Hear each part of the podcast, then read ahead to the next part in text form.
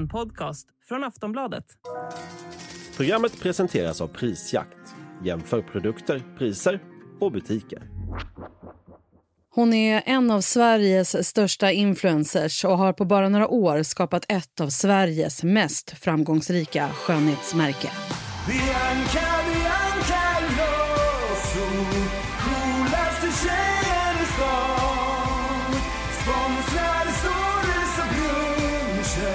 Som händer. vill jag ju vara Ja, dagens avsnitt ska alltså handla om framgångssagan Bianca Ingrosso.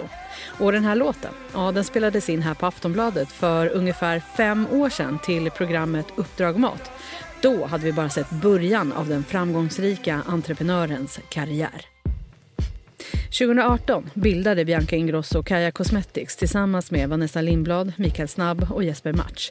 Fem år senare gör bolaget miljonvinster. De senaste siffrorna visar att företaget under 2023 omsatte mer än 540 miljoner kronor. Året innan var den siffran 408 miljoner. Produkterna har bara funnits tillgängliga online men i höstas så öppnade man sin första butik i NK i Stockholm. En öppning som skapade stor uppmärksamhet såväl hos den unga publiken som hos media. Bianca Ingrosso har precis öppnat sin pop-up store här på NK i Stockholm. Det är väldigt mycket folk här, väldigt många unga som är här. Vissa som har skolkat till och med för att vara här och vissa inte. Sen tidigare finns märket också i Tyskland och Danmark. Men nu är siktet inställt på två av de största marknaderna i världen, USA och Storbritannien.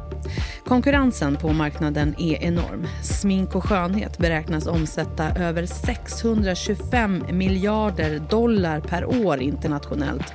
Men enligt en intervju i Business Insider så tror Bianca Ingrosso att de ändå kommer kunna ta åt sig en bit av den kakan. Hur har Kaja Cosmetics lyckats bli så stort? Kan de klara satsningen internationellt? Och vilket ansvar har Bianca Ingrosso för den unga publiken? Ja, det här pratar vi om i det här avsnittet av Aftonbladet Daily. Jag heter Jenny Ågren. Och jag har med mig Stina Dahlgren, nöjesreporter på Aftonbladet. Stina, Bianca Ingrossos Kaja Cosmetics går som tåget. Hur kommer det sig?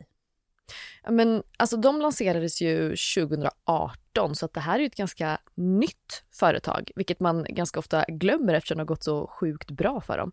Eh, jag skulle säga att alltså väldigt mycket av att det har gått så himla snabbt och bra för dem, det, det är ju Bianca Ingrosso. Det man undrar är ju hur mycket av den här framgången för det här bolaget beror på att hon är en Wahlgren Ingrosso? Väldigt mycket beror på att hon är en Wahlgren Ingrosso. Eller så här, eh, alltså hela början och hela starten på det här beror ju såklart på att hon är en Wahlgren Ingrosso, på att hon har det efternamnet som hon har. Hon hade aldrig fått eh, läsare till sin blogg, hon hade aldrig fått följare till sin Instagram, en egen tv-serie om hon inte kom från den familjen som hon gör. Men jag menar, hade hon inte levererat, hade produkterna hon gör inte varit bra, så hade hon aldrig fått, fått stanna kvar på den plattformen som, som hon är. Jag menar, hon hade inte produkterna, Bianca, allt det eh, varit bra så hade hon inte fått, då hade hon fallit platt som en pannkaka. Mm. Och familjen Wahlgren Ingrosso jämförs väldigt ofta med familjen Kardashian, eh, där ju också flera av medlemmarna har egna sminkmärken till exempel. Hur skulle du säga att Kaja Cosmetics står sig rent kvalitetsmässigt på marknaden?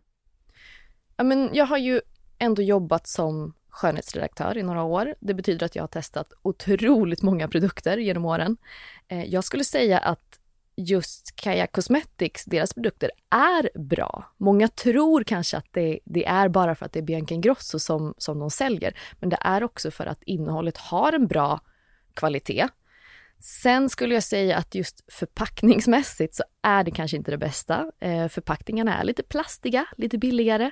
Men det är också det som jag tror är hemligheten bakom framgångarna. För att oftast när det kommer till skönhet så är det just eh, produ- alltså förpackningarna som trissar upp priset. Här så har man kunnat ha ett bra innehåll, men man kan hålla ner priset just eftersom att förpackningarna är ganska billiga, billiga och det ju rätt in i målgruppen, den här unga målgruppen som Bianca Ingrosso har. Men det har ändå funnits en hel del kritik mot märket. Är det just eh, förpackningarna då som är problemet? Nej, här, det här är ju en debatt som finns på framförallt sociala medier skulle jag säga. Eh, och det är ju ganska ofta som det blir men någon lägger upp en, en recension på TikTok eller Instagram där de säger att Biancas produkter är dåliga. Det här tror många, framförallt om man då tittar på sådana som jobbar med marknadsföring, PR, har att göra med så fort någon kritiserar Bianca Ingrosso så går de videosarna som en raket. Det här med att kritisera henne tycker folk om. Folk tycker om att titta på videos där man pratar skit om Bianca Ingrosso och hennes produkter. Så frågan är ju lite, vad gör folk för att få mycket likes och visningar? Och vad är faktiskt kritik? Tittar du på de här liksom stora skönhetsinfluenserna och, och skönhetsredaktörerna så hyllas snarare Bianca Ingrossos produkter ganska mycket. Tidigare i år så öppnade man en egen butik. Det kallades för hysteri av många, men visst kan man ändå säga att Bianca Ingrosso är som en stor popstjärna hos den unga publiken? Men gud, absolut. Hon, alltså hon är, hon har ju stjärnstatus bland de unga. Eh, ja, men då när hon öppnade den här pop-up-butiken i Stockholm. Jag tror aldrig jag har sett så långa köer någonsin, inte ens till konserter med världsstjärnor. Och kidsen skolkade för att få en liten glimt av Bianca Ingrosso. Det var, det var faktiskt helt sjukt. Eh, och det är klart hon har allt det som unga personer vill vara idag. Eller inte bara unga, hon har ju det som alla vill vara idag. Hon är liksom eh, ja, men hon, är pro, hon är programledare, artist, influencer, entreprenör, hon är rik, snygg, framgångsrik. Ja, hon, hon är en stjärna. Mm. Men Stina, det finns ju också en hel del kritik mot Bianca Ingrosso kring just det här med hetsen kring skönhet och unga tjejer. Vilket ansvar har hon mot sin unga publik? Bianca Ingrosso har ett jätteansvar skulle jag säga egentligen mot den unga publiken. Hon har nästan 1,5 miljoner följare på Instagram. Det är klart att hon har ett ansvar, men ofta så tycker jag att hon får ta väldigt stor del. Hon har inte ensamt ansvar om de unga. Vi har föräldrar, andra vuxna omkring dem som också har ett jätteansvar för de unga. Vi har alla ansvar för de unga. Så hur kommer det gå för den internationella satsningen?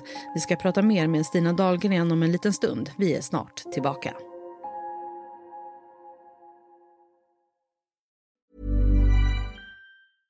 Want flexibility? Take yoga. Want flexibility with your health insurance? Check out United Healthcare Insurance Plans. Underwritten by Golden Rule Insurance Company, they offer flexible, budget friendly medical, dental, and vision coverage that may be right for you. More at uh1.com.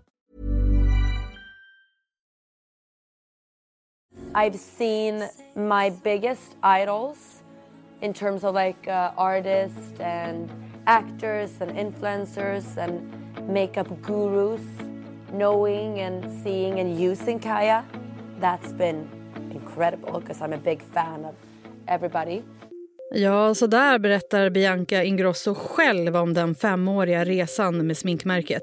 Men hur ska de nu lyckas slå sig in på den internationella marknaden? Vi hör Stina Dahlgren igen. Mm, det är ju en fråga som många ställer sig nu när det här beskedet har kommit. Kaja finns ju redan i flera länder utanför Sverige. De, finns, de är väldigt stora framförallt Skandinavien, Danmark, Finland, Norge. Men där, alltså det landet där de har rönt störst framgångar, det är ju Tyskland. Och där har det gått bra för Kaja. Och det är nog lite det som gör, gissar jag, att de kanske vågar testa gränserna och försöka sig på Storbritannien och, och USA. Men det är tuffa marknader och i USA så finns ju redan, du har Kylie Jenner, Kim Kardashian, Rihanna. Så frågan är ju lite hur Bianca ska slå igenom bruset där. Det, det är klart det kommer bli svårt, men jag ska inte säga att det är omöjligt för vi pratar ändå om Bianca Ingrosso. Okej, okay. men vad är det som eh, Kai Cosmetics liksom kan tillföra marknaden? Jag menar, den känns ju ändå som den skulle kunna vara rätt mättad på produkter. Ja, Bianca, hon, jag läste en intervju som hon gjorde med Business Insider och där så säger hon, för de ställer samma fråga, och då säger Bianca att det som de tillför som inte finns, det är att, att tidigare så var sminket, det sminket som fanns, det var fulltäckande, det var kakigt, det var högpigmenterat. Och det hon menar är då att hennes sminkmärke ska vara så himla, men det är det naturliga, det lätta, det skandinaviska glowet. Men där tänker jag att hon faktiskt ljuger för att det finns jättemånga sminkmärken som är det här liksom lätta, eh, halvtäckande. Så jag vet faktiskt inte vad Jag vet inte varför hon säger det här till Business Insider, för att det är ju en lögn egentligen. Men då har jag analyserat och försökt komma fram till vad för hål de skulle kunna täcka. Och det jag tänker är, det som är väldigt unikt med Kaja, det är ju det här universumet som de skapar. Den här bubblan där det handlar om så mycket mer än bara smink. Det blir ja, men lite av en livsstil eh, skulle jag säga och dessutom så är de väldigt bra på att engagera liksom följarna, de som köper sminket, de får vara med och utveckla produkterna. Det är det unika, inte det här, mm, vi är så lätta, glowiga, skandinaviska. Det, så är det inte. Tidigare så har vi sett hur andra influencers försöker lyckas utomlands, till exempel Isabella Löwengrip. Vad talar nu då för att Bianca och Kaja kommer lyckas? För det första så har ju Bianca ett eh, stabilt imperium, till skillnad från då till exempel Lövengrip. Löwengrip. Hon har mer pengar och mer makt än vad typ Isabella Löwengrip hade. Hon, eh, hon är lite mer relaterbar, personlig. Jag tänker att medan lövengripor och de här ofta känns ganska ouppnåeliga. De sitter på sina små skönhetstroner och tittar ner på pöben så är ju Bianca väldigt eh, relaterbar och, och nere på jorden med sina följare. Och hon har fler investerare i ryggen och ett jävligt starkt varumärke. Det är ju så här, företaget har omsatt miljarder, tjänat miljoner de senaste åren. Finns det ändå någon form av hybris i att vilja slå in, sig in på den här internationella marknaden? Ja, det är klart det är hybris, men eh, det kan de väl få unna sig, lite hybris. nej, men, nej men så här, jag tror att de är ju såklart väl medvetna om vilka risker som finns. Det här har man ju kalkylerat in i minsta detalj såklart. Eh, och någonstans så är det ju så att de, de tror ju på sitt märke och det måste man ju göra för att ens ha en chans att lyckas. Så ja, de har hybris, men låt dem ha det. Det här är ju inte det enda företaget som Bianca Ingrosso är inblandad i. Det pratas mycket om, och du, har också, du sa det själv, Biancas imperium. Alltså hon har så många märken så jag kan knappt räkna hur många hon har. Ska vi, ska vi ta några stycken av de mest kända då i alla fall? Ja men gör det.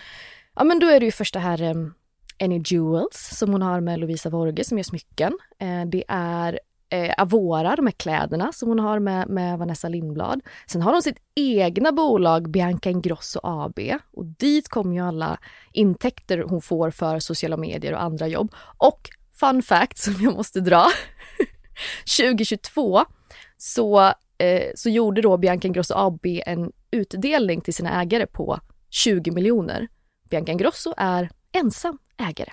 Ja, vad fick, trevligt. Ja, fick 20 mm. miljoner sådär. Så det går ju väldigt bra och eh, inte minst då Kaja som hon såklart har med Vanessa Lindblad. Och icke att förglömma något som man inte pratar om så himla ofta. Det är de här två männen som också ligger bakom Kaja Cosmetics. Eh, Mikael Snabb och Jesper Match. Man pratar ju väldigt mycket om att det är Bianca och Vanessa som har skapat det här varumärket. Men det finns också två gubbar som gömmer sig i bakgrunden som också har varit med och startat det här. Stina, du pratade lite om att det ändå finns eh, lite kalkylerat det här med den internationella satsningen. Vad innebär det ändå för hennes karriär att man satsar utomlands? Vet du vad? För hennes svenska karriär betyder det här ingenting. Eller så här, hon har ingenting att förlora på det här. Hon har råd att misslyckas utomlands men fortfarande behålla den här stjärnstatusen som hon har i Sverige. Bianca har ju egentligen allt att vinna med det här att satsa utomlands. För att alltså når hon och tar hon den här amerikanska och brittiska marknaden, men då har vi en ny internationell stjärna i Sverige. Stina, tack för idag. Tack så mycket. Sist här Stina Dahlgren, nöjesreporter på Aftonbladet. Jag heter Jen Ågren och du har lyssnat på Aftonbladet Daily. Vi kommer ut med nya avsnitt på vardagar. Men nu stundar ju jul och nyår och därför så tar vi ett uppehåll till den 8 januari. Tack alla kära lyssnare för det här året. Och nu så vill vi på Daily-redaktionen önska dig en riktigt god jul och ett gott nytt år så hörs vi igen 2024. Hej då!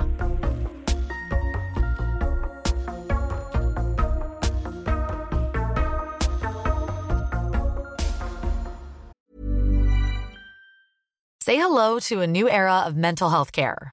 Cerebral is here to help you achieve your mental wellness goals with professional therapy and medication management support. 100% online.